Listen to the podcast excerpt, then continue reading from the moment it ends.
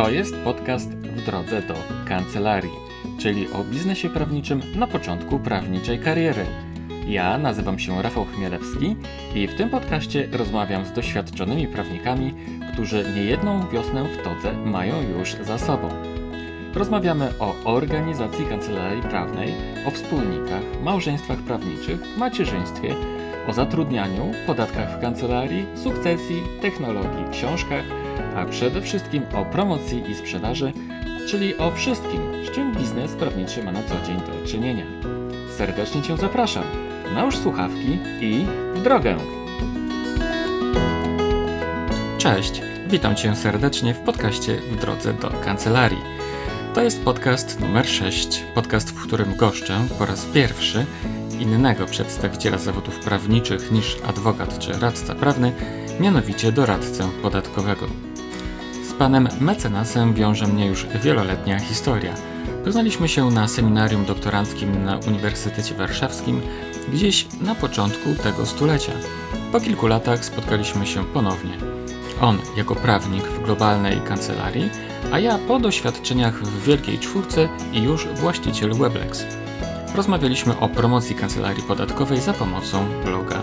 Po kilkunastu miesiącach powstał nowy blog podatkowy pod tytułem Kulturalnie o podatkach i pan mecenas dołączył do naszej weblexowej społeczności. Szybko się okazało, że blog okazał się strzałem w dziesiątkę. Kiedy powstawała moja druga firma, mianowicie Weblex Bookkeeping, o której na pewno będę Ci jeszcze nie raz wspominał, mój gość pomógł nam uzyskać pozytywne interpretacje podatkowe, bez których wdrożenie założonego modelu biznesowego byłoby bardzo ryzykowne. Podczas wywiadu rozmawiamy o zaletach pracy w korporacji, o naturze zawodu doradcy podatkowego, jak promować kancelarię podatkową, o blogu podatkowym i jego statystykach, o wyborze specjalizacji kancelarii podatkowej, o budowie marki kancelarii za pomocą bloga, o rekrutacji do kancelarii, skąd się bierze różnica między kancelariami, które mają niskie i wysokie stawki, o konkurencji w naszej branży i sprzedaży usług prawnych, a także o wielu, wielu innych ciekawych rzeczach. Zachęcam Cię do posłuchania. Dodam tylko, że podcast w drodze do kancelarii jest z uśmiechem wspierany przez Weblex. Panie i panowie, mecenas Wojciech Pietrasiewicz. Dzień dobry Wojtku. Cześć Rafał. Jak się umiewasz? Super, super, fantastycznie. No dzisiaj jest strasznie gorąco. Dzisiaj jest nieprzyzwoicie gorąco nawet. To prawda, ja już po dwóch spotkaniach, więc troszeczkę pływam, ale... No tak, y, ja mam tę przewagę, że mogłem przyjść do Ciebie y, w krótkim rękawku, w koszulce, a Ty jednak jesteś w pracy, tak? Ty między jednym spotkaniem a drugim tak naprawdę znalazłeś chwilę, żeby, żeby, żeby się ze mną spotkać. Dobrze, e, zgodnie z tradycją Wojtku takie pytania wstępne. Imię i nazwisko. Wojciech Pietrasiewicz. Tytuł zawodowy? Doradca podatkowy. Kawa czy herbata? Kawa, choć bardzo lubię zieloną herbatę. Mhm. A kawa to z mlekiem, bez mleka, mrożona? Tylko z mlekiem, więc prawdziwi e, smakosze kawy by tutaj od razu e, mnie no. skreślili. Natomiast lubię z, z, mlekiem, rano z odrobiną mleka, e, w ciągu dnia latę. Muszę się ograniczać, bo piję jej sporo. Aha, dobra. E, powiedz mi, gdzie prowadzisz swoją kancelarię?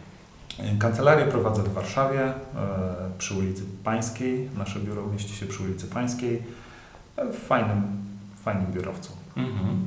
A od jak dawna wykonujesz swój zawód? E, uprawnienia uzyskałem w 2005. Wtedy też założyłem kancelarię. Współpracowałem w, różnej, w różnych formułach przez te lata. W, w tej formule, w której tej, w tej chwili działam, to już jest ponad dwa lata. Mhm. E, czy prowadzisz kancelarię samodzielnie, czy w spółce? E, to jest bardzo ciekawe pytanie, bo no. prowadzimy ją razem ze wspólnikiem, ale nie w spółce. Czyli działamy w takich w ramach e, formuły wspólnego przedsięwzięcia. Mamy wspólnych klientów, mamy wspólny brand, mhm. natomiast nie działamy formalnie w formie spółki. Mhm. Powiedz mi Wojtku, jaki zakres klientów Twoja kancelaria obsługuje? Czy są to głównie osoby fizyczne, czy przedsiębiorstwa? Zasadniczo nie obsługujemy osób fizycznych, chyba że prowadzą działalność gospodarczą, chyba że są przedsiębiorcami. Z różnych względów, które, które no, jakoś tam były podstawą naszego świadomego wyboru. Mhm. Zdarza nam się, że obsługujemy osoby fizyczne, które nie prowadzą działalności gospodarczej, jeżeli są inwestorami w, mhm. w podmioty gospodarcze ale wtedy de facto też obsługujemy podmioty gospodarcze. Mamy dosyć szeroki zakres klientów, bo mimo, że pozycjonujemy się w pewnych konkretnych branżach, to ze względu na nasze doświadczenie, no bardzo często klienci, y, którzy na naszej kilkunastoletniej ścieżce kiedyś się z nami spotkali, wracają po prostu. Więc mhm. Y, oprócz y, takich jasnych specjalizacji branżowych, które mamy z, ze wspólnikiem, mamy również klientów bardzo szeroki, szeroko obsługiwanych, zarówno jeśli chodzi o zakres e, podatków, e, mhm. zakres doradztwa podatkowego, jak i, jak i branż. Okej, okay. czy Twój wspólnik, partner jest doradcą podatkowym, czy ma inny tytuł prawniczy? Jest doradcą podatkowym, tak. Aha. E, czy Wasza kancelaria posiada jakąś, albo może Ty sam posiadasz jakąś wyrazistą specjalizację? Ja bym powiedział, że my troszeczkę inaczej podchodzimy do biznesu niż e, korporacja, mhm. gdzie e, korporacja zawsze się pozycjonuje jako korporacja, która ma pewien e, rys czy pewną specjalizację. U nas to jest raczej prawnik, który jest osobą pokazującą swoje kompetencje. I tak mamy takie specjalizacje. Ja obsługuję przede wszystkim branżę, szeroko pojętą branżę kulturalno-rozrywkową, Obejmuje ona wydawnictwa, instytucje kultury, organizatorów koncertów, artystów, mhm. Y, agencje reklamowe, więc to jest dosyć y, szerokie y, spektrum szeroko pojętej działalności kulturalnej, artystycznej, rozrywkowej. Wspólnik obsługuje natomiast branżę farmaceutyczną i medyczną, mhm. czyli farmaceutyki, wyroby medyczne, mhm produkty biobójcze, taka dosyć specyficzna, e, specyficzna Biobójcze, dziedzina. czyli co, na komary na przykład? Na przykład, tak? na przykład. Na no. przykład. E, więc dosyć specyficzna dziedzina wiedzy, e, która wymaga od podatkowca znajomości też przepisów prawa, które tak. wokół tej e, branży działają. Tak. E, a oprócz tego takim może profilem przedmiotowym, czyli coś, w czym też jesteśmy mocni, to są postępowania podatkowe, których mhm. teraz jest sporo mhm. i tutaj obsługujemy już klientów z bardzo różnych branż, w zależności od tego, mhm. E, z jakim problemem klient do nas przychodzi. Okej. Okay. Powiedz mi, e, jak prowadzi się kancelarię podatkową w stolicy? Jak, jak ja chyba mogę, po, ja, ja, nie porównam, nie, nie, nie, jestem w stanie porównać z innym miastem, dlatego że pracuję, całe swoje życie zawodowe spędziłem w Warszawie. E, mogę porównać e, prowadzenie własnej firmy z e, pracą w korporacji, ale to są zupełnie dwa różne światy. Każdy z nich ma pewnie swoje wady i zalety. W korporacji można się sporo nauczyć. Są pewne ramy, w ramach których się poruszasz, więc masz pewne czytelne wymagania, przynajmniej tak powinno być w korporacji. Mhm. Prowadząc swoją firmę, troszkę pływasz po oceanie i nie wiesz, w którym miejscu trafisz na rafę albo na e, skrzynkę z, ze złotem pod wodą. Mm -hmm. Więc y, wydaje mi się, że są to różne dwa światy, ale ogólnie bym Ci podpowiedział, że to jest y, świetne wyzwanie, ciekawa, ciekawe zajęcie i nie zamieniłbym się okay, z nikim. Jasne. Wiesz, mam tutaj na myśli jeszcze konkurencję, ale do konkurencji to wrócimy potem, bo tutaj w stolicy konkurencja jest zatrważająca. Powiedz mi, jak to się stało, że zostałeś doradcą podatkowym? Myślę, że musielibyśmy się cofnąć już e, na studia, kiedy zacząłem w trakcie studiów współpracować z jednym z wydawnictw podatkowych. Aha. E, studia gdzie kończyłeś? Na Wydziale Prawa i Administracji Uniwersytetu Warszawskiego. Mhm. I udało mi się w trakcie studiów znaleźć bardzo ciekawą pracę. Byłem redaktorem jednego z czasopism zajmujących się VAT-em. E, zacząłem bodajże na trzecim roku, więc już e, trzeci, czwarty, piąty rok. Kończąc studia miałem trzy lata czytania, analizowania tekstów przygotowywanych Aha. przez doświadczonych e, prawników, doradców podatkowych, radców prawnych i dosyć spory y, bagaż wiedzy, którą już mogłem y, wnieść ze sobą, zaczynając pracę w zawodzie. Tak. Więc siłą rzeczy, kiedy zacząłem, kiedy już miałem te trzy lata doświadczenia w trakcie studiów w podatkach, no, naturalną drogą było wybrać y, doradztwo podatkowe. Później to już był tylko plan kiedy uzyskać tytuł doradcy, bo poczekałem dwa lata po to, żeby nie odbywać praktyk e, w urzędach skarbowych i, w izbach skarbowych, tylko mieć doświadczenie pod nadzorem e, doradcy podatkowego. Po dwóch latach zdałem egzamin i od tej Mhm. pory już działam w ramach uprawnień. Czyli dość wcześnie zacząłeś myśleć o tym, o swojej karierze jako o doradcy, doradcy podatkowego. Tak. Mhm. Tak, choć można powiedzieć, że pewnie wybór był w pewnym stopniu przypadkiem, bo Mhm. gdybym pracował w wydawnictwie zajmującym się prawem atomowym, to pewnie bym był ekspertem od energii jądrowej w tym momencie. Pewnie tak, ale ja Ci powiem, że e, ja się zainteresowałem podatkami wtedy, jak poszedłem na wykład do profesora Modzelewskiego z PIT-u. E, I moje pojęcie, to był chyba też trzeci rok, moje pojęcie na temat podatków był, było takie, że pójdę na ten wykład, to chociaż dowiem się, w jaki sposób rozliczać swoje zeznanie podatkowe. Ale powiem Ci, że jak pan profesor Modzelewski zaczął opowiadać o podatkach, to szczęka mi opadła i byłem po prostu zafascynowany, że nie wiedziałem, że to jest taka niezwykle interesująca dziedzina wiedzy. A jednocześnie wymagająca stałej aktualizacji. Czyli czytasz, czytasz I czytasz. właśnie, powiem Ci szczerze, i właśnie to mnie do podatków zniechęciło ostatecznie. Bo Modzelewski mówił zawsze tak, że jak jesteś podatkowcem, musisz mieć niezwykłą pamięć. To prawda. I to musi być tak, ta pamięć operacyjna musi bardzo, bardzo dobrze działać, e, dlatego że nie zawsze masz czas, żeby sięgnąć e, do szczegółów. Pewne rzeczy, jeśli chcesz odpowiednio no, zaprezentować się przed klientem, pokazać swoje, swoje kompetencje, to pewne rzeczy muszą być e, w Twojej głowie na bieżąco po prostu. A jest tego sporo. Jest tego sporo.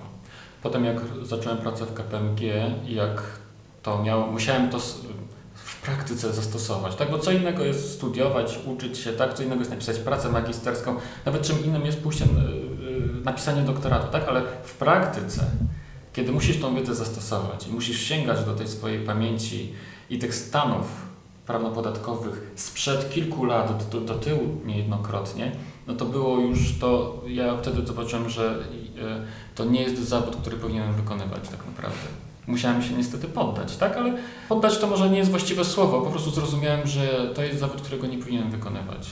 I to jest też ważna informacja i- ważne doświadczenie, bo jeżeli y, ważne jest, żeby na odpowiednim momencie sobie to uświadomić swojej, swojej kariery zawodowej. Bo ja się w tym świetnie realizuję, to jest rozwiązywanie kolejnych łamigłówek. Tak. Nie muszę, nie, nie muszę kupować krzyżówek, nie muszę rozwiązywać rebusów, mam, mam to na co dzień w pracy. Po pracy już mogę tylko się relaksować. Natomiast y, to trzeba lubić, bo to wymaga naprawdę y, stałego dokształcania, stałego aktualizowania wi- wiedzy. Wystarczy popatrzeć na rzeczywistość prasową chociażby Tak. i zobaczymy, jak, wie, jak wiele przepisów się zmienia, a to jest tylko pewien wycinek, e, który media same identyfikują. Tych przepisów zmieniających się no jest wiele, jest Tak. naprawdę wiele. Tak, samych aktualizacji VAT-u. Nie wiem ile jest teraz, ale pamiętam kiedyś to było ponad 100 w ciągu roku. Dobra. Mm. Czy jesteś autorem książki dotyczącej prawa podatkowego? Kilku, kilku. No. Jak, jak wiesz, e, mm, prowadzę działalność już kilkanaście lat, więc tych publikacji troszeczkę się już pojawiło. Byłem autorem e, podręcznika e, prawa finansowego dla studentów Wydziału Prawa i Administracji UW, ale pewnie również innych. Jestem autorem e, prawa podatkowego przedsiębiorców. Można uznać to za taką Biblię dla tych, którzy e, zaczynają e, swój kontakt z podatkami. Tam naprawdę to jest publikacja oczywiście wielu autorów. Ja jestem autorem jednego czy dwóch rozdziałów. Ale jeżeli zaczynasz z podatkami, warto sobie sięgnąć do tej publikacji. Ona bardzo dużo rzeczy rozjaśnia. E, Przygotowałem też monografię dotyczącą kosztów uzyskania przychodów, więc tych publikacji jest, jest trochę. Mhm, mhm. Warto tworzyć, wydawać takie publikacje w Twoim przekonaniu? Na pewno. Mam wątpliwość, czy to jest narzędzie marketingowe. Dla mnie to było narzędzie realizowania się twórczego, czyli Mhm. miałem potrzebę napisania książki, więc to zrobiłem. Mhm. W pozostałych projektach to już kontakt e, od głównego autora czy od redaktora naukowego publikacji e, pojawiał się niejako automatycznie. Mhm. E, Teraz zresztą tworzymy kolejną książkę z, z kolegami z konkurencyjnej kancelarii. Będzie, myślę, że się ukaże pewnie na początku przyszłego roku, więc na razie nie będę jeszcze więcej zdradzał, ale tak. proszę czekać, pojawi się i myślę, że będzie również ciekawostką na, na rynku wydawniczym. Mhm. I daj znać, jak już się ukaże, chętnie się zapoznam. Na pewno dostaniesz egzemplarz autorski. Powiedz mi, tak, jak promujesz swoją kancelarię? To jest bardzo ciekawe pytanie, dlatego że e, myślę, że głównym takim narzędziem jest blog jednak. E, szczególnie biorąc pod uwagę, że w tej chwili ktoś mnie pyta, jak sprzedajesz swoje usługi, ja mówię, w zasadzie to ja ich już nie sprzedaję, one sprzedają się same. Mhm. E, bo też moje podejście do sprzedaży jest też trochę inne niż, e, niż wydaje mi się klasyczne podejście, czy podejście prezentowane przez korporacje. Więc staram się zaprezentować siebie w dwóch płaszczyznach. W płaszczyznach kompetencji, czyli potencjalni klienci muszą wiedzieć, co ja robię i co robię dobrze mhm. i to, jakim jestem człowiekiem. E, a to pokazuje klientom, czy chcą ze mną pracować, czy nie, po prostu. W ten sposób następuje pewna naturalna selekcja klientów. Jeżeli widzą, że moja osobowość im nie odpowiada, w ogóle do mnie nie napiszą, nie zadzwonią. Mhm. Ale jeśli widzą, że tak, taki styl bycia, taki styl doradztwa, taka formuła komunikacji im odpowiada, tak. to sami do mnie dzwonią. Mm-hmm, mm-hmm. To jest w ogóle bardzo ciekawy i szeroki wątek. To nie będę go teraz rozwijał. Mam nadzieję, że porozmawiamy sobie na ten temat jeszcze kiedy indziej. Ale właśnie bardzo jest ciekawe to, o czym wspomniałeś, ten dualizm. Z jednej strony pokazujesz swoje kompetencje, co jest niezwykle istotne i ważne, z drugiej strony pokazujesz to, kim jesteś, jaką masz osobowość i tak dalej. Co jest również niezwykle istotne w kontekście budowania relacji e, z, z, klientami i to się właśnie świetnie sprawdza e, na, na blogu. Tak więc promujesz głównie kancelarię za pomocą bloga. Biorąc pod uwagę Twoją specjalizację w, w kierunku prawa podatkowego w instytucjach kulturalnych. Zgadza się. Szkole oprócz tego, więc mam kontakt e, ze słuchaczami, którzy mhm. również e, zazwyczaj są odbiorcami mojej wiedzy z zakresu działalności kulturalnej i rozrywkowej. Pisuję sporo, poza blogiem też, mhm. ale to jest raczej mm, coś dodatkowego. Nie uznałbym tego za działalność marketingową. Jeżeli pojawia się jakiś temat w Gazecie Prawnej czy w Rzeczpospolitej, dziennikarz chce mojego komentarza, bo uznaje mnie za eksperta, to ja jak najbardziej e, jestem chętny do tego, aby takiego komentarza udzielić. Natomiast sam nie szukam aktywnie takich, e, takich form komunikacji. Uznaję, że blog jest wystarczającą formułą, gdzie ja się mogę w pełni zrealizować. Mhm. Czy ci dziennikarze trafiają do Ciebie również e, dzięki lekturze Twojego bloga? Nie wiem tego i nie pytam. Mhm. Większość dziennikarzy mnie już zna siłą rzeczy, Aha. dlatego że no, już jestem na rynku jakiś czas, y, więc, więc nie jestem w stanie powiedzieć, Aha. ale być może jest tak, że pewne treści z bloga są przyczynkiem do artykułu, który się później ukazuje na mhm. łamach prasy. Mhm. Zresztą wydaje mi się, nie sprawdzałem tego, ale wydaje mi się, że kiedy byśmy w wyszukiwarkę wpisali Twoje imię i nazwisko, to po prostu również wyskoczyłby Twój blog. W związku z tym myślę, że część dziennikarzy po prostu googluje też Twoje imię i nazwisko. Jeśli nie, mogą znaleźć kontaktu, no to w ten najprostszy sposób i wtedy pewnie trafiają też, też przez bloga. Dobrze, a powiedz mi, skoro prowadzisz blog prawniczy, tak? Blog, przypomnę, o tytule Kulturalnie o podatkach i robisz to już od półtora roku. E, to powiedz mi, skąd miałeś pomysł na taką formę promocji? Mm, poszukiwałem takiego narzędzia, które mm, pozwoli e, indywidualnie skomunikować się z osobami, które no, są zainteresowane taką problematyką. Bo największą barierą, jaką my prawnicy mamy, e, sprzedając swoje usługi, jest dotarcie do klientów mhm. i pokazanie im, że jesteśmy. Mhm. Jednocześnie jest to największa bariera dla klienta, żeby skontaktować się z, z prawnikiem. Czyli jeżeli on nie wie, że dany prawnik istnieje, to, to nie może mhm. się z nim skontaktować. Więc mhm. blog, tu no nie ma co ukrywać, że Twoja rola mhm. E, była w tym ogromna, dlatego że e, no, od kreacji po, po wsparcie merytoryczne, uwagi e, redaktorskie i koncepcyjne, to dzięki Tobie ten blog powstał i, i funkcjonuje. Natomiast wydaje się bardzo fajnym narzędziem do tego, żeby potencjalni klienci w ogóle sobie uświadomili, że jesteś. Mhm. No jak mam, mamy oczywiście wiele innych alternatyw, możemy sami dzwonić do klientów, mhm. ale to wszystko kosztuje czas. E, nie każdy ma też taki charakter, żeby do obcych osób dzwonić mhm. i oferować tak. swoje usługi. Jasne, jasne. No ja tego nigdy nie robiłem i nie wiem, czy bym był w stanie coś takiego zrobić. Ja też tego nie robiłem i, e, no i to nie jest moja filozofia Jasne. E, świadczenia usług doradztwa, ale wiem, że, że są podmioty, które to robią. Jasne. Mhm. E Skąd u Ciebie pomysł na taką wąską specjalizację w blogu? Mm, myślę, że trzeba by się zastanowić, czy, czy może cofnąć troszeczkę w czasie i po, wtedy, kiedy postanowiłem odejść z korporacji i znaleźć swoją ścieżkę. Mhm. No I to było mniej więcej właśnie 2 czy 2,5 roku temu, już nawet nie wiem, bo ten czas mhm. galopuje, on, on nawet nie pędzi, tylko galopuje. I, I wtedy e, zacząłem się zastanawiać po pierwsze, co lubię, e, żeby praca sprawiała mi przyjemność e, i, i tak naprawdę to nie była super jakaś tam biznesowa decyzja, analizowanie strategicznego potencjału grupy klientów z branży tak. rozrywkowej, tylko to były moje zainteresowania, wiedza, którą już miałem, mhm. bo przyjąłem, że no, podstawą jest to, że, żeby klient miał rzetelną e, wiedzę i, i oparcie w swoim doradcy.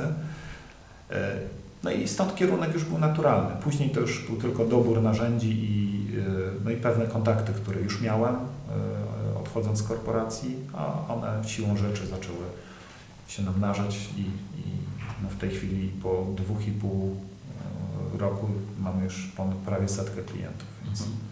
Czyli z perspektywy czasu w Twoim przekonaniu uważasz, że warto było poświęcić czas, energię na założenie bloga? Zdecydowanie, mhm. zdecydowanie. Jak często publikujesz w blogu? Plan, który sobie przewidziałem startując z blogiem był taki, e, żebym publikował raz w tygodniu. No. E, I trzymałem się go przez pierwsze kilka miesięcy dosyć sztywno. E, natomiast później pokonuje, pokonała i pokonuje mnie rzeczywistość, dlatego że e, no zawsze na pierwszym miejscu są klienci. Więc jeżeli mam zapytania od klientów, to oni mają priorytet. Blog jest czymś dodatkowym dla mnie, formą z jednej strony promocji kancelarii, z drugiej strony jakiegoś pisarskiego realizowania samego siebie, więc mogę to robić tylko w czasie, który jest no, wolny od innych zajęć. Więc teraz jest to trochę mniejsza częstotliwość. Ostatnio już spadła do takich poziomów, e, że stwierdziłem, że nie może e, być tak, że publikuję wpis raz w miesiącu. Więc teraz pojawi się kilka wpisów ciekawych. Zbliża Aha. się split payment, więc za chwilę Aha. będzie na ten temat wpis. Aha. E, ale myślę, że taka częstotliwość raz na tydzień, raz na dwa tygodnie jest fajna przy blogach merytorycznych. Mhm. I wbrew pozorom to nie jest problem z treścią w moim przypadku, tylko z czasem. Jasne. E, zresztą wydaje mi się, że ten problem e, dotyka wszystkich e, autorów blogów prawniczych, którzy robią to z sukcesem, że po prostu blog w pewnym momencie zaczyna przynosić klientów w najróżniejszy sposób. I to powoduje, że po prostu na tego bloga jest coraz mniej czasu, ale zaletą bloga bez, bez wątpienia jest to, że ten blog działa nawet wtedy, kiedy nie piszesz. Jeżeli już tam jest ta treść, to ten blog po prostu trzyma swój poziom. Wtedy wystarczy raz w miesiącu, nawet czasem rzadziej, napisać jakiś artykuł i to, i to w zupełności wystarczy. A powiedz, jakie masz statystyki w swoim blogu? Sprawdzałeś ostatnio? Sprawdzałem, sprawdzam je nawet dosyć często. E, wydaje, wydaje mi się, że miesięczna, e, miesięczna obecność, miesięczna ilość wejść, wejść waha się pomiędzy 2,5 a 3 tysiące. Mhm. E, natomiast ja bym dla, dla, tych, którzy zaczynają bloga, nie zniechęcałbym się statystykami i nie patrzył na statystyki, dlatego że one, wydaje mi się, będą różne. E, ja mam dosyć wąską, wąski zakres tematyczny i w związku z tym nie spodziewam się, żeby te statystyki w przyszłości jakoś e, gwałtownie rosły. Myślę, że może jeszcze trochę wzrosną, bo jest taka tendencja, że mniej więcej co pół roku jest skok, mhm. E, taki wyraźny skok ilościowy, jeśli chodzi o, o wejścia. Natomiast e, ważne jest to, ile osób kontaktuje się później z Tobą z, e, po, mhm. po zapoznaniu się z materiałami na blogu. I No i dla mnie to jest pewna miara wartości bloga i wartości tak. promocji z tego bloga, a na to nie mogę narzekać. Tak. Rozmawialiśmy przed wejściem na antenę, no. że w ciągu ostatnich dwóch dni trzy osoby do mnie z bloga zadzwoniły. Mhm. I z, no z, tego prawdopodobnie dwa te kontakty będą mhm. kończyły się jakimiś zleceniami dla kancelarii. No i to, mhm. o, to, o to właśnie chodzi. Mhm. E Jakie, Wojtku, korzyści oprócz takich finansowych zauważasz z prowadzenia bloga? Na pewno to jest forma realizacji samego siebie. Ja lubię pisać. E, nie mam czasu teraz na większe formy. Ta książka, o której wspominaliśmy, no to jest jedyna, jedyny projekt, który, w który się w tej chwili zaangażowałem, a takich pomysłów moich czy propozycji jest sporo. E, więc to jest forma realizacji, fajna, bo można w krótkiej formie e, pewne myśli swoje przekazać.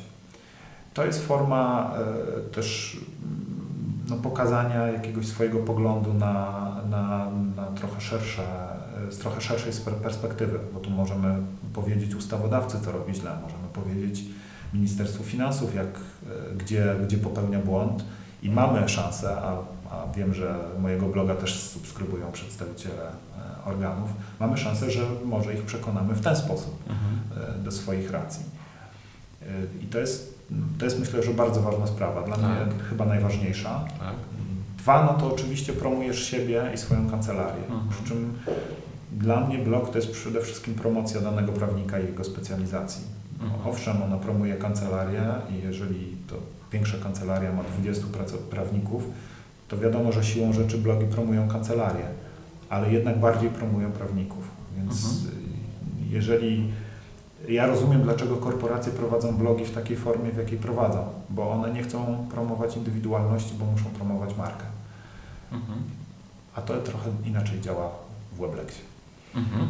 Ale wiesz co, ja ci, y, muszę zwrócić uwagę na jedną rzecz, y, Wojtku, to co zawsze o czym mówię na szkoleniach, że y, każda kancelaria ma tak silną markę, jak silną markę mają jej e, członkowie, e, poszczególni członkowie w zespole. Nie? W związku z tym blog, jeżeli buduje markę konkretnej osoby, to jednocześnie buduje markę całej kancelarii. W związku z tym, e, w moim przekonaniu, kancelarie duże, które mają zespoły do prowadzenia blogów, uważam, że robią błąd bo lepiej by było, gdyby każdy z tych prawników budował sam swoją markę za pomocą bloga i jednocześnie rozwijałby markę kancelarii. Gdybyś odszedł sam ze swojej kancelarii, to ta kancelaria byłaby pusta, prawda? Taka jest siła Twojej marki, marki poszczególnych członków w zespole kancelarii. Zgadzam się, no. ale myślę, że e, korporacje mogą patrzeć, czy większe kancelarie mogą na to patrzeć z perspektywy e, rotacji bo na przykład moją ambicją jest, żeby ta rotacja u mnie w firmie nie była za, za duża. Zobaczymy, na razie się to udaje, zobaczymy jak będzie w przyszłości. E, natomiast w, w, korporacjach, w dużych firmach ta rotacja jest dosyć du duża. I w momencie, kiedy taka duża firma zainwestuje w prawnika, który wypromuje swoją markę, a odejdzie, to jest syndrom utraconej pewnej korzyści i utopionych mhm. kosztów. Mhm. I myślę, że to jest powód. Zgaduję, nie wiem, bo nie mhm. siedzę w głowach zarządzających dużymi kancelariami prawnymi, zgadzam się, że to jest błąd, bo mhm. rzeczywiście klienci szukają ludzi. Oczywiście idą do, do korporacji, ale szukają ludzi, szukają konkretnego eksperta, który im pomoże mhm. w, dane, w danych okolicznościach. Tak, tak. Chociaż też bez wątpienia jest tak, że duże kancelarie w inny sposób w ogóle pozyskują klientów. Często to są klienci po prostu z nadania, że tak powiem, prawda? To też to inaczej wygląda. Aczkolwiek bez wątpienia byłoby tak, że gdyby Gdyby ci prawnicy prowadzili indywidualne blogi, nawet nie po to, żeby promować, żeby zdobywać klientów za pomocą tych blogów, tylko choćby, chociażby z tego powodu, żeby dawać się lepiej poznać, to myślę, że wszelkie rozmowy, nawet z tymi klientami, którzy są z nadania, którzy muszą po prostu przyjść do pewnej kancelarii, to myślę, że, że takie rozmowy i pertraktacje i wszystko inne po prostu przebiegałoby znacznie lepiej, sprawniej, w milszej atmosferze. I ja bym jeszcze dodał do tego, że wystąpiłaby naturalna selekcja Czyli klienci, którzy poznając prawnika doszliby do wniosku, że to nie jest to, e, przestaliby się z nim kontaktować, ale ja postrzegam to jako pewną wartość, bo to oznacza, że mój czas, który no, w sumie jest podstawowym aktywem, który ja sprzedaję, no nie jest angażowane w przedsięwzięcia, które są skazane na, mhm. na porażkę w krótszej lub tak. dłuższej perspektywie. Tak. Ja jestem dumny z tego, że praktycznie ze wszystkimi klientami pracuje mi się świetnie. Mhm. I mhm. myślę, że blog tutaj ma pełni sporą rolę w tym. Mhm. Bez wątpienia tak, chociaż to myślę, że też i Twoja osobowość i, i, i różne inne elementy, jak choćby poziom obsługi klienta też tutaj mają znaczenie. Na pewno, na pewno. Dobrze. Mm. Organizujesz seminaria i szkolenia? Organizuję, ale nie sam. Mhm. Zazwyczaj korzystam z e, podmiotów, które to robią, mhm. Mm, czyli nie jestem firmą szkoleniową, nie zarabiam na tym, raczej traktuję udział w, e, udział w takich seminariach, choć on jest oczywiście, wiąże się z jakimś tam wynagrodzeniem dla mnie, ale traktuję to raczej jako formę komunikacji z potencjalnymi klientami. Mhm, mhm. Masz profil na Instagramie. Tak. Dlaczego? Tu znowu jestem w stanie pokazać trochę inną stronę samego e, siebie. Jeżeli ktoś chce zobaczyć, e, co mnie interesuje, e, co robię w, wolnym czasie, którego nie ma zbyt wiele, ale jednak jest, to sięgnie na, na mój profil instagramowy, zobaczy, że lubię czytać kryminały, tak. chodzić do teatru, lubisz zwiedzać. zwiedzać. Lubisz muzea, tak. Lubisz biegać. Tak. I Aha. to wszystko zobaczysz na moim Instagramie. To to jest nietypowy Instagram, bo większość e, tych profili to jednak e, głównie selfie w, w różnych okolicznościach przyrody. U mnie w windzie na przykład. Tak, w windzie. Ja ich nie umiem robić i nie ma, nie ma ich na moim profilu zbyt, zbyt wielu. Natomiast no zobaczysz, zobaczysz na pewno miejsca, w których byłem, wydarzenia, w których uczestniczyłem, książki, które przeczytałem, autografy, które zebrałem. Tak. Więc e, zachęcam, zapraszam. Mhm. A powiedz mi, czy wykorzystujesz do promocji kancelarii jakieś inne media społecznościowe? E, wykorzystujemy mm, systemowo e, Facebooka, LinkedIna i Twittera, ale nie są to narzędzia, które my używamy do, kre do kreowania relacji z klientem. Raczej jest to forma E, pokazywania klientom pewnych najważniejszych treści podatkowych zastępuje newslettera. E, czyli nie wysyłamy newslettera e, dedykowanego do klientów, ale jeśli ktoś śledzi nasz profil na LinkedInie czy na Facebooku, to praktycznie codziennie ma najważniejszy news dnia na swoim profilu, oczywiście na tyle, na ile mhm. zasięgi sieci obecnie na to pozwalają. Mhm może sobie zobaczyć najważniejszy news podatkowy dnia. I do tego wykorzystujemy inne media społecznościowe, mhm. właśnie typu LinkedIn, Facebook, mhm. Twitter. Mhm. Wspomniałeś o newsletterze. Sam w blogu prowadzisz biuletyn dla swoich czytelników, rodzaj newslettera. Tak. Jeżeli e, jesteś zainteresowany problematyką praw współczynnika, aby dostać poradnik, który jest na moim blogu, musisz się zasubskrybować e, na e, listę e, mailingową i dostajesz dodatkową korzyść w postaci niezbyt nachalnych, niezbyt częstych, ale jednak e, informacji, które dostajesz bezpośrednio ode mnie, e, a dotyczą one treści, które znajdują się na blogu, pewnych wydarzeń, w których uczestniczę, szkoleń, których prowadzę, więc śledząc e, wiadomości ode mnie jest łatwiej trafić, łatwiej mnie spotkać, łatwiej umówić się ze mną na, na kawę czy na spotkanie akurat w mieście, w którym w danym czasie jestem.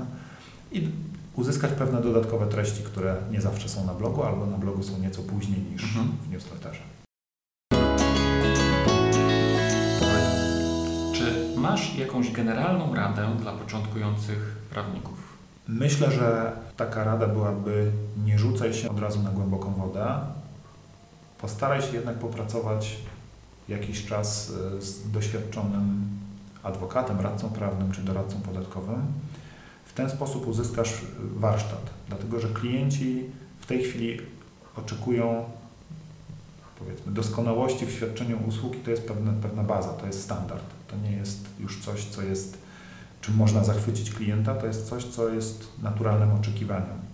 Po studiach takiej wiedzy, doświadczenia nie masz e, i dlatego zachęcam, e, poszukaj osoby, która będzie Twoim mentorem.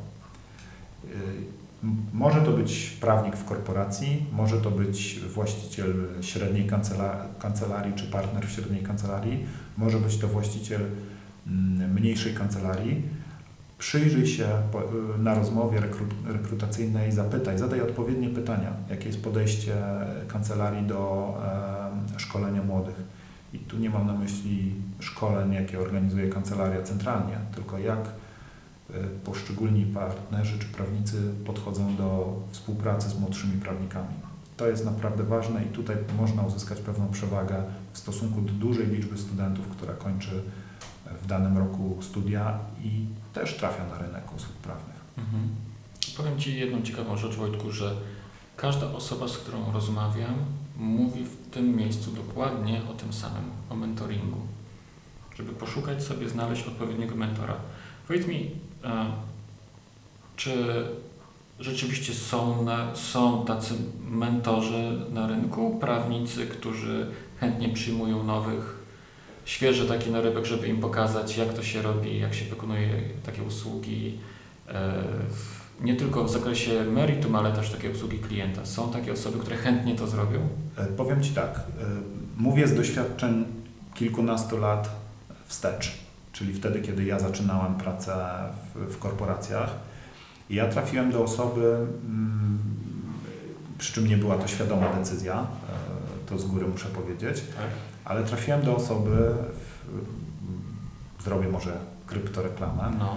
w, w kancelarii Baker McKenzie w praktyce podatkowej jest mm, partner Sławek Boruc e, i wtedy mm, powiedzmy jego prawa ręka Marcin Romańczuk i naprawdę oni mi bardzo pomogli warsztatowo, czyli e, dzięki nim e, nauczyłem się, jak świadczyć te usługi na wysokim poziomie. Mhm. I tu nie było żadnej bariery w przekazywaniu swojej wiedzy. E, zarówno Sławek, jak i Marcin do tej pory znamy się, kolegujemy i, i, i na takie osoby trzeba trafiać. Mhm. Ale nie zawsze tak jest. To, mhm. Dlatego to dokładne badanie tego, e, co oferuje dana kancelaria jest ważne. Większe prawdopodobieństwo na trafienie e, na, na taką osobę jest oczywiście w mniejszych podmiotach, dlatego że tam e, pracujesz ręka w rękę z partnerami zazwyczaj. Tutaj jeszcze jest sporo, w większych firmach jest sporo poziomów pośrednich tak. i w związku z tym trudniej znaleźć osobę, która naprawdę będzie miała chęć, żeby taką osobę doskonalić. Mhm. Wiesz, bo wyobrażam sobie taką sytuację, że te, tacy najlepsi prawnicy, oni po prostu nie mają czasu, żeby zajmować się jeszcze, uczyć tych młodszych, pokazywać im, poprawiać ich błędy, analizować ich pracę i tak dalej. W związku z tym samo z siebie wydaje się dosyć trudne znalezienie kogoś takiego. To prawda, ale w, moim zdaniem bez tego nie da się rozwijać kancelarii, mhm. szczególnie mniejszej lub średniej wielkości kancelarii, mhm. dlatego że e, Twój zespół wraz z Tobą powinien wzrastać i zdobywać nowe doświadczenia, uniezależniać się, co w dłuższej perspektywie pozwala zwolnić e, część Twojego czasu, czyli tak. inwestycja w e, kształcenie swoich ludzi jest no, najlepszą możliwą moim zdaniem. Oczywiście wiąże się z określonymi ryzykami, bo wiadomo, że korporacje są w stanie finansowo konkurować z mniejszymi firmami i, e, i po takim procesie szkolenia wyciągać prawnika, ale no to już zależy od atmosfery w firmie, e, tego jak się w niej pracuje, czy, czy mhm. jesteśmy w stanie utrzymać takie osoby, czy nie. Mhm. Wojtku, czy warto stawiać sobie cele? Oczywiście, oczywiście. E, myślę, że warto sobie stawiać cele krótko, średnio i długoterminowe, I za, zarówno pewnie w życiu zawodowym, jak i w innych, e, w innych okolicznościach. Pewnie w tej sferze prywatnej to nie są raczej cele, a pewne marzenia, które chcemy spełniać w swoim życiu. W sferze zawodowej raczej bym e, kategoryzował to jako cele, czyli wyznaczamy sobie pewne kierunki, w których chcemy dążyć, pewne progi, gdzie sprawdzamy, czy to, co robimy, jest, e, idzie w dobrym kierunku. W przeciwnym razie troszeczkę byśmy pływali bez, bez jasnego celu i kierunku, więc mhm. zdecydowanie tak. Mhm. To jest pytanie, jakie wyznaczyć i jakie mierzyć. No właśnie. No to nie będziemy teraz na ten temat rozmawiać, bo pewnie cały podcast można by na ten temat zrobić. Natomiast e, Wiesz co, e, wydaje mi się, że jest mimo wszystko mało osób, które wyznaczają sobie jakieś cele. Mam, mam na myśli cele zawodowe, cele dotyczące kariery i tak dalej. Zresztą nie przymierzając, sam jestem trochę taką osobą, która sobie wyznacza mało celów. Chociaż z drugiej strony może to i dobrze, bo jak mam jeden cel, to przynajmniej skupiam się na wykonaniu jednej rzeczy naraz. Tu bym się z Tobą chyba nie zgodził. Myślę, o. że nie uświadamiasz być może ich sobie, ale ja widzę cele, które masz. E, nawet je komunikujesz na Weblexie, więc, mm, więc ja widzę te cele. Okay. Być może ich nie werbalizujesz. To też nie jest tak, że ja mówię sobie w ten sposób za dwa lata to chcę obsługiwać 200 największych instytucji kultury w, w Polsce i wszystkich największych organizatorów koncertów. E, bo po pierwsze, e, nie wiem, czy ten cel byłby realizowalny, a, a takie cele musimy sobie wyznaczać. A po drugie, e, no, to by wymagało ogromnych nakładów i wzrostu mojej kancelarii, jeśli chodzi o skład osobowy, pewnie trzy albo czterokrotnie. Natomiast no, jesteśmy w stanie sobie zarysować, no, musimy wręcz jako, jako osoby prowadzące kancelarię, musimy sobie zarysować naszą wizję, gdzie jesteśmy teraz, gdzie chcemy być za dwa lata, a gdzie chcemy być za lat pięć. Mhm. Bez tego to, to nie zadziała. No, siła rozpędu oczywiście zawsze jest takim motorem mhm. E, wzrostu, ale w pewnym momencie stracimy nad tym kontrolę i to, mhm. to nie będzie dobre. Mhm. E, jak znajdujesz czas na, na wykonywanie tylu obowiązków w ciągu dnia? Jest to trudne i nie ukrywam, sam nie, e, nie zmuszam osób, które współpracują ze mną do pracy poza godzinami. Uważam, że to jest nie w porządku. Każdy decyduje za siebie w tym zakresie. Mhm. Natomiast sam pracuję dużo. Mhm. Nie ma co ukrywać, że to nie jest godzina 9-17, więc to jest jedna rzecz, czyli pracuję jak większość chyba prawników jednak ponadstandardowo dużo. Dwa, staram się upraszczać pewne procesy, które mogę uprościć, czyli wykorzystywać technologię tam, gdzie ona mi pomaga, chociażby mm, prosty system do zarządzania aktami spraw, e, dostęp elektroniczny z każdego miejsca, czy z domu, czy z biura e, do e, poszczególnych spraw, mhm. upraszcza, upraszcza i przyspiesza całą, cały proces wykonywania zlecenia. Więc technologia no i pewna kontrola nad tym, co jest do zrobienia, czyli e, niektórzy korzystają z e, aplikacji zadania w, w ramach systemu zarządzania właśnie kancelarią. Ja preferuję akurat do codziennych zadań prostą kartkę, z której na końcu dnia powinno być wszystko skreślone. Mhm. A jeżeli nie jest, to, to musi być. Mhm. Planujesz sobie dzień e, z wyprzedzeniem, dzień wcześniej, co będziesz robił następnego dnia? Planuję sobie powiedziałbym, dni i tygodnia, e, dlatego że na spotkania umawiam się bardzo często z dużym wyprzedzeniem. Teraz widzisz, jest przede mną kalendarz, jak go tak. otworzymy, to akurat jutro mam luźniejszy dzień, który poświęcę w całości na pracę i na jedną rzecz prywatną. Tak. Natomiast e, kolejne e, są już tam stopniowo zapełnione i no bez kontroli swojego czasu nie jesteś w stanie zarządzać nawet spotkaniami, a nie mówiąc e, o tym, co e, z tym, z tym, co jest do zrobienia. Więc nie można się spotykać cały dzień, bo wtedy nie jesteś w stanie wykonać e, zleceń, więc trzeba nad tym panować i zarządzać jakoś tym czasem. Tak, ale preferujesz tradycyjne metody planowania Czyli kalendarz. Kalendarz, tak, dlatego że mam go ze sobą wszędzie i jeżeli y, jestem na przykład na spotkaniu z kimś, kto chce się ze mną mówić, no, no mógłbym to zrobić w telefonie oczywiście, wejść do systemu, ale to jest, kalendarz jest jednak szybszy. Pewne rzeczy ja mam zduplikowane w systemie po to, żeby współpracownicy widzieli, że w danym czasie mnie nie ma i, i wtedy technologia zwycięża jednak, bo, bo możemy współdzielić kalendarz.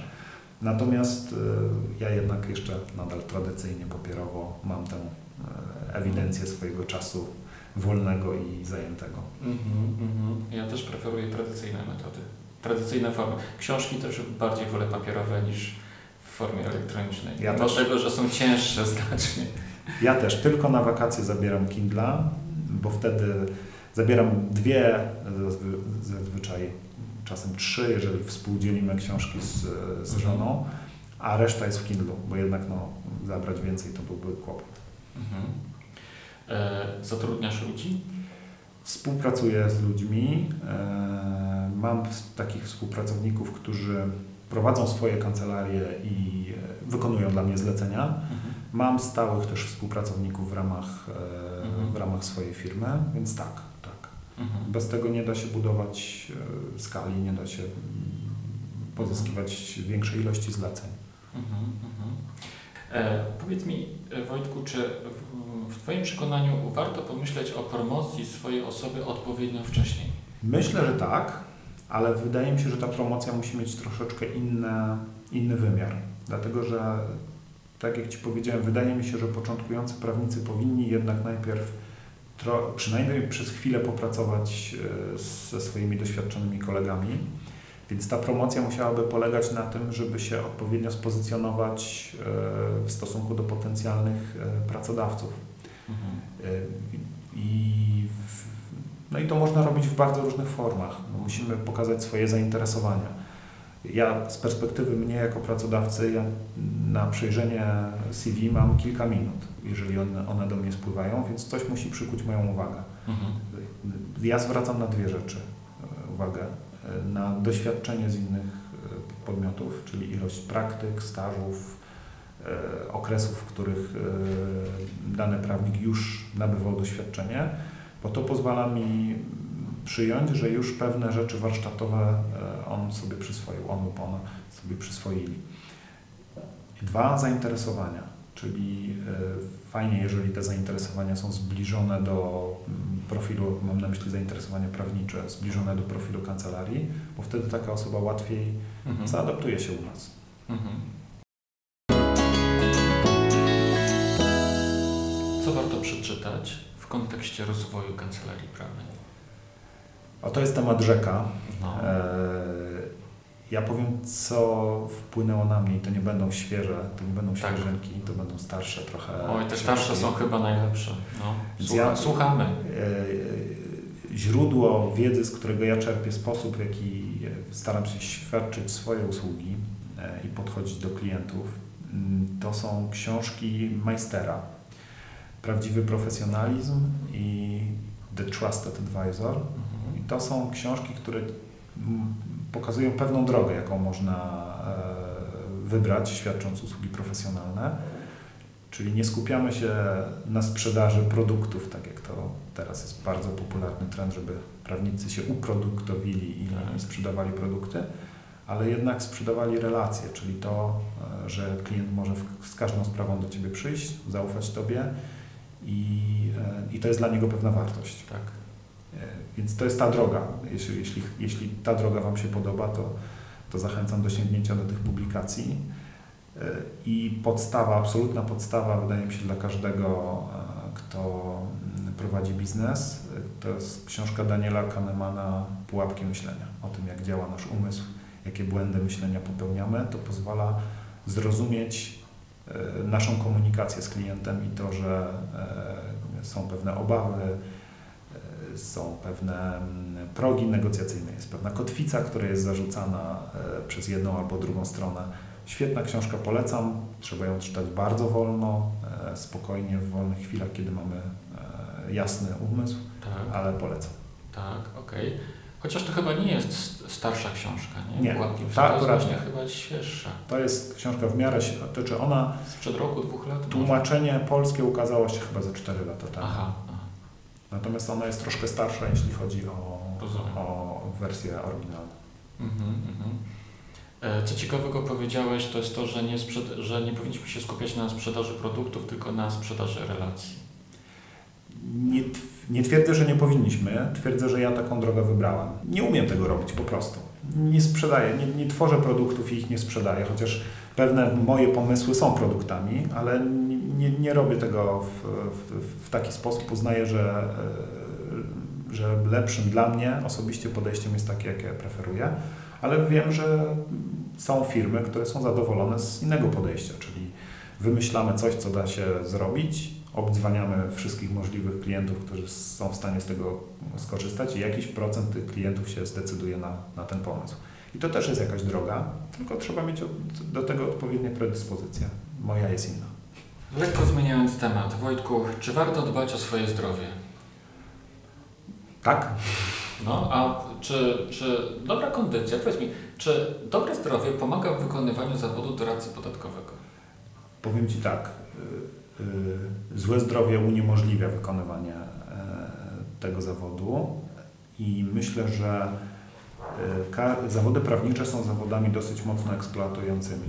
Trzeba znaleźć e, odpowiedni balans pomiędzy tym, jak pracujesz, jak wypoczywasz, pamiętać o tym, że trzeba się zregenerować. Ja znam prawników, którzy potrafią pracować 3 czy 4 doby pod rząd i czasem wymagają tego okoliczności, ale później trzeba pamiętać o tym, że potrzebny jest reset.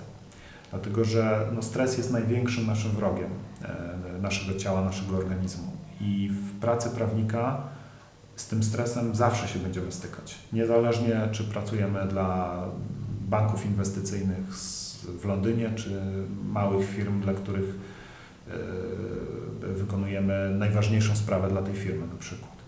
Zawsze będzie duży poziom napięcia, presja czasu i z tym sobie trzeba radzić. Jeżeli sobie z tym nie radzimy, to cierpi nasze zdrowie. A jeżeli cierpi nasze zdrowie, to znaczy, że coś jest nie tak i trzeba zmienić sposób, w jaki e, wykonujemy ten zawód. Mhm. To, to jest fundamentalna sprawa. Mhm. Ty na przykład biegasz. Tak, biegam. To jest forma e, odstresowania się z jednej strony, ale ja w trakcie biegania nie słucham. Wiele osób e, zakłada słuchawki tak. i biegnie słuchając muzyki i reguluje sobie w ten sposób rytm. Ja wtedy mam czas, jestem sam. Zazwyczaj biegam sam, czasem z, z, z kolegami, ale ostatnio rzadziej. Trudno nam zgrać sobie nasze harmonogramy. Natomiast y, ja wtedy mam czas, żeby pomyśleć. I to, wtedy wpadają mi najlepsze pomysły do głowy. Mhm. One są gdzieś tam zapisane i albo czekają na realizację, albo są od razu realizowane. Mhm. jeden z takich pomysłów jest, kieł, wykiełkował, ale czeka. Czeka mhm. na, na to, kiedy będę miał czas go zrealizować. Czyli kiedy biegasz, to nie tylko dbasz o swoje zdrowie, ale w ten sposób również jakby e, dbasz, e, czy myślisz o kwestiach strategicznych w firmie, pojawiają Ci się, tak jak wspomniałeś, nowe pomysły. Tak, tak. Właśnie to jest bardzo ważna rzecz. Od wielu osób słyszałem, że podczas, podczas wysiłku, podczas biegu właśnie jakby pojawia się ten element intuicji, która zaczyna podsuwać różnego rodzaju rozwiązania. Mamy, ja biegam godzinę zazwyczaj, więc e, przez godzinę naprawdę można sporo rzeczy mhm. sobie poukładać. E, najpierw zresetować e, swój dzień, bo ja zazwyczaj ruszam późnym popołudniem albo, albo wieczorem wręcz. Codziennie? Nie, cztery razy w tygodniu staram się, choć nie zawsze się to udaje. Tak. Jeżeli jest napięty plan albo jakieś wieczorne spotkania, no to siłą tak. rzeczy, albo mecze, tak jak teraz, no. to, to, to jest trudniej. No ale dzisiaj na pewno ruszę, dzisiaj na ścieżce możecie mnie spotkać. Aha. Czy jest coś, czego brakuje Ci w Twojej praktyce, zawodzie, karierze? Brakuje mi czasu na realizację wszystkich pomysłów, które mam. Mhm. Dlatego, że wie, o jednym z nich wiesz dobrze. Wiesz, że mam za, za, zarezerwowaną tak. domenę, która czeka tak. na, na lepszy moment. Tak. I czeka już rok. Tak? I to jest. Mam ogromne wyrzuty sumienia, bo widzę straconą. E, straconą... Bo jest możliwość. Tak, bo jest możliwość. Jest. Potencjał, jest, potencjał. Tak, jest potencjał. Jest potencjał, jest, e, jest w głowie e, pomysł, jest wiedza, no ale brakuje czasu, żeby ją zrealizować. Ale tu włącza się właśnie ten efekt. W pewnym momencie trzeba zadbać też o, o, o inne sprawy, no i pewne rzeczy muszą poczekać. Jeśli muszą, to muszą. Tak. E, jak sobie radzisz z konkurencją? E, ja wiem, że wśród doradców podatkowych ta konkurencja paradoksalnie nie jest jeszcze tak e, ostra jak wśród radców prawnych i adwokatów. To obserwuję i widzę po stawkach, bo to, co się dzieje na rynku prawniczym, to wiele, wiele podmiotów zaczyna konkurować stawkami, czyli tak. wysokością wynagrodzenia. Tak. Ja sobie z góry założyłem, że to nie jest moja droga, czyli z perspektywy niektórych klientów ja mogę wydawać się jako mm, podmiot, który jest dosyć drogi. Natomiast to jest tylko teoria, dlatego że mm, myślę, że tu jest jeszcze du, du, duż, długa droga do, do, do uświadomienia sobie, że sama stawka to nie jest wynagrodzenie i wszystko, wszystko sprowadza się do tego, jak efektywnie jesteśmy w stanie wykonać dane zlecenie to raz i dwa, jak kto i w jakiej formule to zrobi. I, i powiem Ci szczerze, że ja rzadko się zmagam z konkurencją. W, w sensie, kiedy do mnie przychodzi klient, to on jest, on jest ra, raczej już na mnie zdecydowany i mm, no ja wszystkich traktuję podobnie, więc, więc nie wiem, czy, ta, czy te informacje się roznoszą, czy nie. Nie badałem tego, natomiast pewnie są mniej więcej gotowi na, na, te, na te stawki, które, które mam, a ci, którzy nie są gotowi, no to siłą rzeczy nie nawiązują ze mną współpracy. Zdarzało mi się parę przetargów przegrać, tam decyduje siłą rzeczy stawka, a były fajne, fajne projekty, które, gdzie stwierdziłem, że może warto wystartować, e, ale w momencie, kiedy projekt e, czy, czy, czy przetarg opiera się w tym momencie już tylko o wynagrodzenie, to, to zazwyczaj my nie startujemy. Po prostu. Mhm. Mhm. Czyli tak powracając jeszcze do tematu sprzedaży usług, o których wspomniałeś, ogólnie można powiedzieć, że nie sprzedajesz swoich usług. Nie sprzedaję aktywnie, bym aktywnie. powiedział, dlatego że e, no, sprzedaję, te zlecenia cały czas tak. E, przychodzą e, no, po, powiedziałbym, że to się kręci samo, ale tak nie jest. No, oczywiście to są pewne działania, które są już u mnie automatyzmem, to są kontakty, które na przestrzeni lat nawiązałem i no, z, pewną, z pewną dumą mogę powiedzieć, że gro klientów to są osoby, które są rekomendowane przez osoby, które ja znam które mają do mnie na tyle zaufania, że mogą osoby, którym oni ufają, polecić y, moje usługi, więc, y, więc to, to zazwyczaj w ten sposób y, działa, a, a poza tym no, osoby po prostu już w tej chwili mają świadomość, że w pewnych dziedzinach wiedzy jesteśmy ekspertami czołowymi, o ile nie najlepszymi, po prostu kontaktują się z nami. Mhm. Wiesz co, bo zadając Wojtku to pytanie, bo zadaję je każdemu, każdej osobie, z którą prowadzę wywiad, zadając to pytanie chcę się jakby dowiedzieć, gdzie tkwi ten sekret, wiesz, bo jest wielu prawników, większość prawników ma problem ze sprzedażą swoich usług. A tymczasem osoby, z którymi ja rozmawiam, ty i wcześniejsze mówią mi, że w ogóle nie sprzedają swoich usług. Więc jedni mają problem ze sprzedażą, a drudzy w ogóle nie sprzedają, tak? Że, znaczy, no nie, jak, jak wspomniałeś, sprzedają, tak? Tylko, że ty nie sprzedaż aktywna, po prostu do ciebie przychodzą klienci, czyli tak naprawdę twoja sprzedaż powiedziałbym, że jest taka e, e mało aktywna, bierna, w pewnym w kontekście pozyskiwania jakby, bo kiedy już przychodzą, jak rozmawiasz, no to rozmawiacie o stawkach, to jest bez wątpienia sprzedaż, tak? tak? Ale jakby nie masz problemu z tym, żeby żeby, żeby ci ludzie do Ciebie przychodzili, tak? A inni właśnie prawnicy, inne kancelarie i to większość, bo inaczej stawki by nie spadały, a spadają, to właśnie spadają dlatego, że po prostu jest duża konkurencja i prawnicy nie wiedzą w jaki sposób sprzedawać. I właśnie zadając to pytanie staram się, wiesz, dociec jakoś do, do tego źródła, gdzie tu, jest, gdzie tu jest ta różnica między jednymi, jedną sytuacją, a drugą? Myślę, że mamy dwie bariery, jakie mają klienci, bo, bo przecież e, jak patrzymy sobie e, na statystyki z innych państw, to widzimy, że nasycenie Polsce prawnikami nie jest jeszcze takie wysokie. Czyli teoretycznie potencjał tego rynku nadal jest.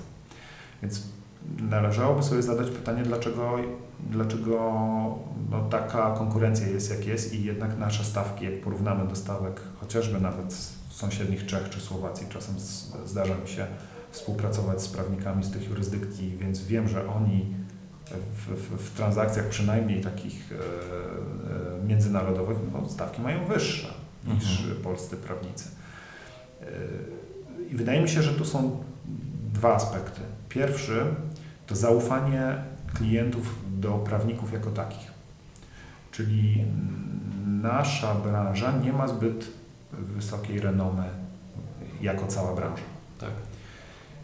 I z tym problemem na poziomie kancelarii możemy oczywiście sobie radzić w ten sposób, że zaprzeczamy temu mitowi, natomiast z tym problemem powinny sobie radzić przede wszystkim samorządy poprzez odpowiednie działania e, promujące e, adwokatów, radców prawnych, doradców podatkowych.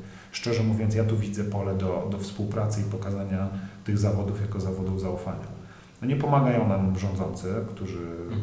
uderzają w, w, w, również w naszą branżę, co tego ukrywać. I drugi taki problem to już jest bariera zaufania klienta do konkretnego prawnika. I wydaje mi się, że no to jest bardzo trudna bariera do złamania. A jak można ją złamać najprościej? No dać się poznać. To jest jedyna forma. No i należy poszukać odpowiednich dla swoich predyspozycji narzędzi, które pozwolą klientom poznać danego prawnika. I wtedy, zakładając, że jesteśmy kompetentnymi e, doradcami, radcami, adwokatami, klienci, którym nasza osobowość i nasza formuła działania odpowiada, no, powinni do nas trafić. Wydaje mi się, że nasz rynek jeszcze nie jest na tyle nasycony, żebyśmy mogli powiedzieć, że problemem jest to, że jest za dużo prawników. Problemem jest to, że nie wszyscy uświadamiają sobie to, że z tych prawników należy korzystać i że przejrzenie nawet każdej prostej umowy najmu, e, zakupu mieszkania przez prawnika może e, uratować e, skórę. Mhm. Ja przypominam sobie swoją umowę, którą jako prawnik dałem innemu prawnikowi do przejrzenia. Była zawierana z udziałem notariusza i tak przeżyliśmy chwilę grozy, kiedy nagle w księgach wieczystych pojawił się jakiś dziwny wpis. Mhm. No i prawnik pojechał, wyjaśnił, okazało się, że to był błąd. Mhm. I, i i do tego służą prawnicy. I dopóki klienci sobie tego nie uświadomią, że bezpieczne przeprowadzenie wielu, nawet takich bardzo prozaicznych e, transakcji wymaga wsparcia prawnika, no to ten rynek będzie stosunkowo płytki. Natomiast jego potencjał wydaje mi się, że nadal mhm. jest. Powiedz, jak poznajesz ludzi, jak nawiązujesz relacje? Spotykam wielu osób e, na konferencjach, na spotkaniach branżowych, e, ale przede wszystkim ludzie poznają mnie przez bloga. Mhm. Czyli to jest tak, że oni mnie poznają, później się ze mną kontaktują, ja poznaję ich. Mhm. To, to, to, jest też dosyć częsty schemat y, działania. Bardzo dużo relacji nawiązuję przez polecenia, czyli prawnicy, z którymi współpracowałem na przestrzeni lat, albo klienci, z którymi współpracowałem na przestrzeni lat, y, polecają mnie innym podmiotom. Wtedy mhm. takie osoby też ze mną się kontaktują, spotykamy się mhm. i w zależności od tego, jak, y, jak wypadnie takie spotkanie, nawiązujemy współpracę albo, tak. albo nie. To właśnie ciekawe, co powiedziałeś, to jest to, co warte myślę, że podkreślenia, to jest to, że również e, inny prawnik e, jest dla mnie źródłem klienta. Nie? Że nie powinienem tak uważać wszystkich za swoich konkurentów, tylko raczej powinienem z nimi współpracować, tak? bo ta, ten inny prawnik może mi również podesłać, podsyłać klientów. Tak? No kwestia tylko tego, żeby żeby, żeby, że powinienem się w czymś specjalizować, żeby on wiedział, tak, w czym ta osoba, do, która do niego przychodzi, e, w czym ja jestem w stanie jej pomóc, a nie on. Zdecydowanie. E, ja myślę, że nie, nie, wiem, czy powinienem się wypowiadać za radców prawnych czy adwokatów, ale, ale się wypowiem. No. Znaczy ja, ja generalnie w ogóle nie jestem konkurencją w stosunku do radców prawnych i adwokatów. E, z tego powodu, że niewielu z nich zajmuje się podatkami. Mają już na tyle e, świadomości e, ryzyk z tym związanych, że nie podejmują się takich tematów. Po prostu. Do tego jest potrzebna już specjalizacja w podatkach, a bardzo często nawet w, w węższych dziedzinach podatków. Tak. Są pewne tematy, których ja też nie ruszam, na przykład nie zajmuję się cłami i jeżeli mam taką sprawę, to szukam czy raczej mam osoby, e, do których takiego klienta mogę e, zreferować, więc to tak musi działać. My siłą rzeczy współpracujemy. Oczywiście e, są kancelarie, które są kancelariami multidyscyplinarnymi, no i one teoretycznie wszystkie te specjalizacje mają u siebie i one po prostu są w stanie zapewnić, zapewnić, zapewnić doradztwo w każdym zakresie. Ale na tym rynku firm średnich i, i, i mniejszych, no siłą rzeczy wydaje mi się, że prawnik, który się specjalizuje w prawie rodzinnym, nie, be, nie będzie zakładał spółek. Z wielu powodów. Na pewno jest w stanie to zrobić, tylko to wymaga dostosowania procesów też w kancelarii do, do takiej działalności. To jest nieopłacalne po mhm. prostu. Łatwiej jest e, zreferować takiego klienta do osoby, której ufamy, bo to e, polepsza czy utrwala naszą relację z klientem jest, jest ryzykowne, więc to muszą być osoby, którym ufamy po prostu. I no, ja staram się otaczać, otaczać takimi prawnikami, którym mogę zaufać i jeżeli e, mój klient ma konkretny problem prawny, to dzwonię do niego i mówię, słuchaj, jest taka sytuacja, czy możesz pomóc, czy to jest Twoja dziedzina? Jeżeli tak, to wtedy przekazuję klientowi jego wizytówkę. Mhm. Czy korzystasz z jakichś narzędzi, które usprawniają działalność kancelarii? Oczywiście tak. Wydaje mi się, że no, ja pewnie też z racji tego, że w, w, współpracowałem z y, dużymi międzynarodowymi kancelariami, to nie potrafiłbym inaczej już chyba. Natomiast e, no, co najmniej dwa narzędzia to są narzędzia, bez których prawnik moim zdaniem teraz nie jest w stanie się obyć. Pierwsze to oczywiście baza prawnicza. Jest, jest ich kilka co najmniej, można sobie wybrać, nie będziemy robić kryptoreklamy. No i drugi, druga rzecz, już znacznie trudniejsza do wybrania, a decyzja e, w tej sprawie jest kluczowa, to jest e, system zarządzania kancelarią. To jest decyzja, nad którą się warto gruntownie zastanowić, przetestować sobie kilka tych programów, żeby zobaczyć, które, który program, które funkcje programu są najlepsze. Oczywiście są programy dla małych i średnich kancelarii w, module, w, w, formule ryczałtowej i to dla startujących kancelarii jest chyba najlepsza opcja, czyli pewien gotowy schemat działania zaszyty przez informatyków w ramę programu, Natomiast no, oczywiście najlepszą formułą są programy dostosowane do indywidualnych potrzeb kancelarii, ale to z, moich wstępnego, z mojego wstępnego rozeznania to są już znacznie wyższe kwoty, które trzeba by wtedy zaangażować. No i to jest kwestia tylko momentu, w którym, e, w którym taką decyzję należy podjąć, mhm. czyli skali działalności, która już to uzasadnia. Tak. Natomiast jest kilka takich programów też do zarządzania e, e, sprawami, kontaktami, fakturowaniem, to wszystko warto sobie z, zautomatyzować, zinformatyzować po to, żeby oszczędzić czas. Mhm, mhm. Czy jest coś, czego w Twojej opinii nie warto robić? Nie warto się rozdrabniać na pewno, bo rozumiem, że pytasz o, o, o biznes, tak? Tak, tak. E, czyli nie wyobrażam sobie w, w, w, w tej chwili kancelarii, która będzie robiła wszystko, szczególnie małej bo oczywiście jeśli mamy kancelarię, która składa się z iluś tam działów, to tam partner w danym dziale to jest tak naprawdę średniej wielkości czy mniejsza kancelaria. Więc oczywiście to jest inna formuła współpracy, jeśli e, czy działania i to jest uzasadnione. Natomiast w mniejszych czy średnich strukturach nie wyobrażam sobie sytuacji, w której robimy wszystko. Mhm. Tak samo nawet ja w swojej kancelarii też nie robię wszystkich podatków. E, może podatków to robię, ale nie wszystkie kwestie w ramach tych podatków.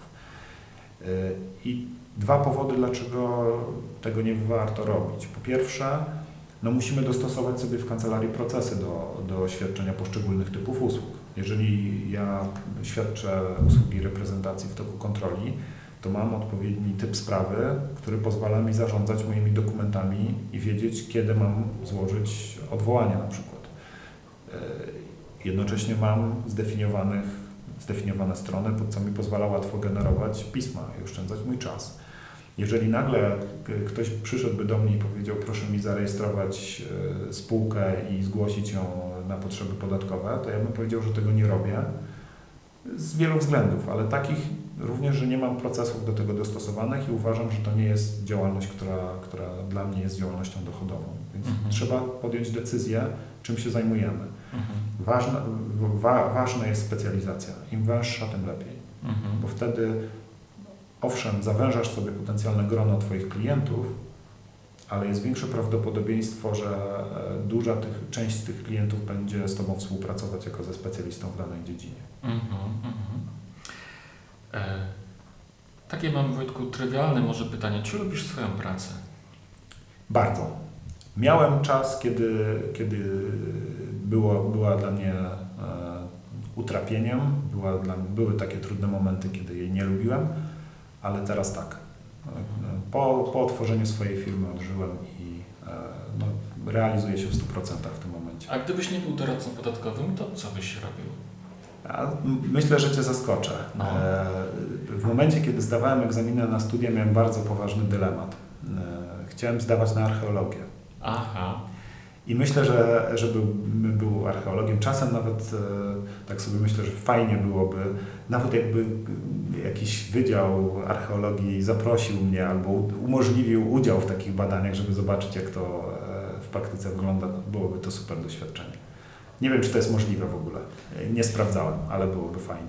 Mhm, bez wątpienia.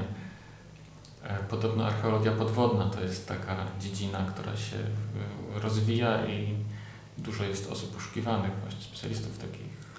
No ale tu jest pewna bariera dla mnie. E, bałbym się zejść pod wodę w, w skafandrze i z, i z butlą chyba. Tak mi się wydaje. Nie, nie próbowałem, ale chyba bym się bał. Najciekawsze rzeczy, które są zakopane, to podobno gdzieś tam na dnie Zatoki Perskiej, gdzie Sumerowie kiedyś przebywali. Dobra, zostawiając ten temat, ale to by, słuchaj, wiesz co, to w takim razie to trochę nawiązuje do tego Twojego zainteresowania muzea, książki historyczne też. Nie? Tak, wszystko kręci się, bo tak. E, kryminały to jest to, co widać na Instagramie, ale sporo czytam też książek historycznych. Mhm. Rzeczywiście mam już niemałą kolekcję u, u siebie w, w biblioteczce. Więc tak, to wszystko się kręci trochę w jednej dziedzinie. No i to jest też chyba fajne i dzięki temu praca sprawia mi przyjemność. Mhm. A gdzie lubisz bywać? Wakacyjnie lubię miejsca ciekawe. Nie lubię, nie lubię spędzać czasu w jednym miejscu, w all inclusive, w wielkim hotelu, gdzie mamy tylko dostęp do morza i basenu. Więc zazwyczaj wyjazdy sobie organizujemy sami i wybieramy takie miejsca, gdzie można zobaczyć dużo ciekawych rzeczy. Zamki, muzea, Muszę tutaj podzielić swoje zainteresowania z zainteresowaniami innych zawsze, ale, ale staramy się to zrobić tak, żeby każdy, każdy był usatysfakcjonowany i to jest fajne. E, lubię czasem pracować w kawiarni z takich innych miejsc. Mam takie miejsca, w których lubię czasem zabrać laptopa i, i posiedzieć, popracować przy kawie. Mm, e, lubię biegać w, w, w ciekawych miejscach, czyli zawsze, kiedy wyjeżdżam, zabieram buty, zabieram zegarek e, i no i mam czasem takie, tego, tego nie widać na, akurat na mediach społecznościowych, bo się tym nie dzielę, ale w swoim garminowym systemie mam bardzo ciekawe ścieżki w Turcji, w Portugalii w, i w Luksemburgu, więc, aha, aha. E, więc to też e, jest fajna forma. Zresztą fajne imprezy biegowe to też jest super, e, super forma spędzania czasu. Można zobaczyć e, piękne miasta, poznać i przeboleć e, pewne trasy które są w tych miastach, więc też zachęcam. Bierzesz udział w maratonach też? W maratonach nie, w półmaratonach. Na maratony wydaje mi się, że musiałbym troszeczkę schudnąć, musiałbym troszeczkę wagi zrzucić, żeby, żeby to zrobić bezpiecznie, mm, ale w półmaratonach już tak. Mhm, mhm. E, jakie masz plany i jakie masz marzenia? Plany zawodowe wiążą się z, e, oczywiście z rozwojem kancelarii. E, plany krótkoterminowe to jest e, e, rozszerzenie naszego zespołu i to się już w zasadzie dzieje. Procedura pierwsza rekrutacyjna ruszyła, kolejne będą pewnie, no musimy się zastanowić nad odpowiednim momentem, kiedy, kiedy ludzie też poszukują nowych wyzwań. Więc tak, szukamy, szukamy jednego doświadczonego prawnika, doradcy podatkowego, radcy lub adwokata i jednej młodej osoby. Średnioterminowo chcemy, żeby ta, ta nasza kancelaria urosła do takich rozmiarów e, pewnie 10, może na 100 osób, e, czyli takiego tworu, który już jest dosyć dużą organizacją, ale jednak nadal pozostaje organizacją, gdzie ludzie są ważni, gdzie ludzie e, mogą się rozwijać, mogą w normalnych warunkach pracować, czyli nie, nie są nadmiernie przeciążeni i czerpią satysfakcję z tego, co robią. I to jest plan pewnie nawet średnio i długoterminowy. Mhm. A z prywatnych jest jeszcze wiele miejsc w Polsce, które chciałbym zobaczyć, które są na mojej liście i nie zostały, e, nie zostały jeszcze zdobyte. Mhm. I marzenia wiążą się głównie z, z realizacją jakichś tam planów e, wypoczynkowych, bo to jest w sumie praca i wypoczynek to są dwa, dwie formy, które w życiu występują najczęściej. Mhm, mhm, mhm. Także y, osoby, które chciałyby aplikować, które, nie, albo inaczej, osoby, które chciałyby zostać, czy marzą o karierze doradcy podatkowego, mogą do Ciebie składać swoje Tak, za, zachęcam. Wy, proszę wysłać maila na office.mvptax.pl albo do mnie bezpośrednio. E, z, oczywiście z adnotacją, że zgadzacie się na przetwarzanie danych osobowych na potrzeby rekrutacji e, i z wybranymi kandydatami e, na pewno się skontaktujemy. Zachęcam. I być może gdybym ja zaczynał jako podatkowiec w Twojej kancelarii, to być może dzisiaj ze mnie byłyby, byliby ludzie. Kto wie? A tak, to po prostu się wszystko skończyło na KPMG. Wojtku, bardzo serdecznie dziękuję Ci za niezwykle ciekawą rozmowę. Ja również dziękuję. Pozdrawiam wszystkich. Dzięki. Tyle doradca podatkowy mecenas Wojciech Pietrasiewicz.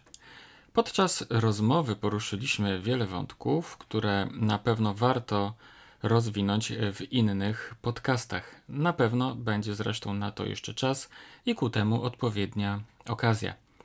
Zwrócę jednak Twoją uwagę na pewną rzecz, która w rozmowie przewijała się kilka razy.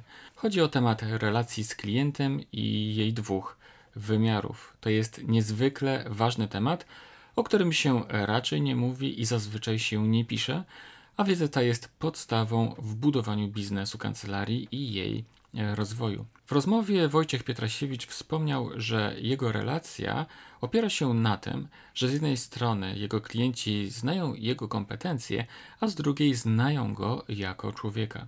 W tym właśnie kryje się owa dwoista natura relacji, bo dobra relacja z klientem to relacja taka, która powoduje, że klient chce przyjść do kancelarii i nie targuje się o kwotę honorarium. To relacja oparta na zaufaniu z jednej strony, ale z drugiej całym wachlarzu emocji związanych z faktem poznania drugiej osoby. Musisz wiedzieć, że zaufanie jest w tym związku podstawą, ale zaufanie w dzisiejszym konkurencyjnym świecie jest to zbyt mało, niestety. Chociaż jest to podstawowy element relacji, to jest to jednak element zbyt słaby, aby pozyskać klienta. Bierze się to stąd, że mając wybór wśród dziesiątek, setek czy tysięcy usługodawców, prawników, ludzie po prostu dokonują selekcji na podstawie jasnego dla siebie kryterium, którym jest oczywiście cena.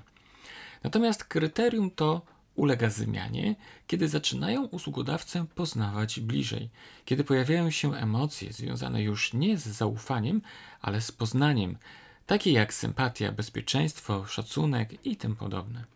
A zatem Twoją rolą jako prawnika czy właściciela kancelarii jest takie budowanie relacji, aby jednocześnie Twoi potencjalni klienci Ci ufali merytorycznie, a dodatkowo Cię poznawali i zaczynali darzyć pewnego rodzaju sympatią. W tej sytuacji ludzie nie pytają o cenę, tylko przychodzą dlatego, że chcą, byś im pomógł. Przy takim budowaniu relacji prowadzenie kancelarii jest znacznie prostsze. Oczywiście pytanie, jakie się tutaj pojawia, brzmi: jak to zrobić za pomocą narzędzi internetowych, za pomocą bloga? Wyjaśniłem to wszystko dokładnie w mojej książce Pamiętnik Adwokata, którą znajdziesz w wielu księgarniach internetowych. To tyle. Bardzo serdecznie Ci dziękuję za czas, który nam poświęciłeś. Zapraszam Cię do kolejnego odcinka podcastu w drodze do kancelarii. Zapraszam Cię także do odwiedzin strony mecenasa Wojciecha Pietrasiewicza, do odwiedzin jego bloga pod tytułem kulturalnie o podatkach.pl. To był szósty odcinek podcastu w drodze do kancelarii, mówił Rafał Chmielewski.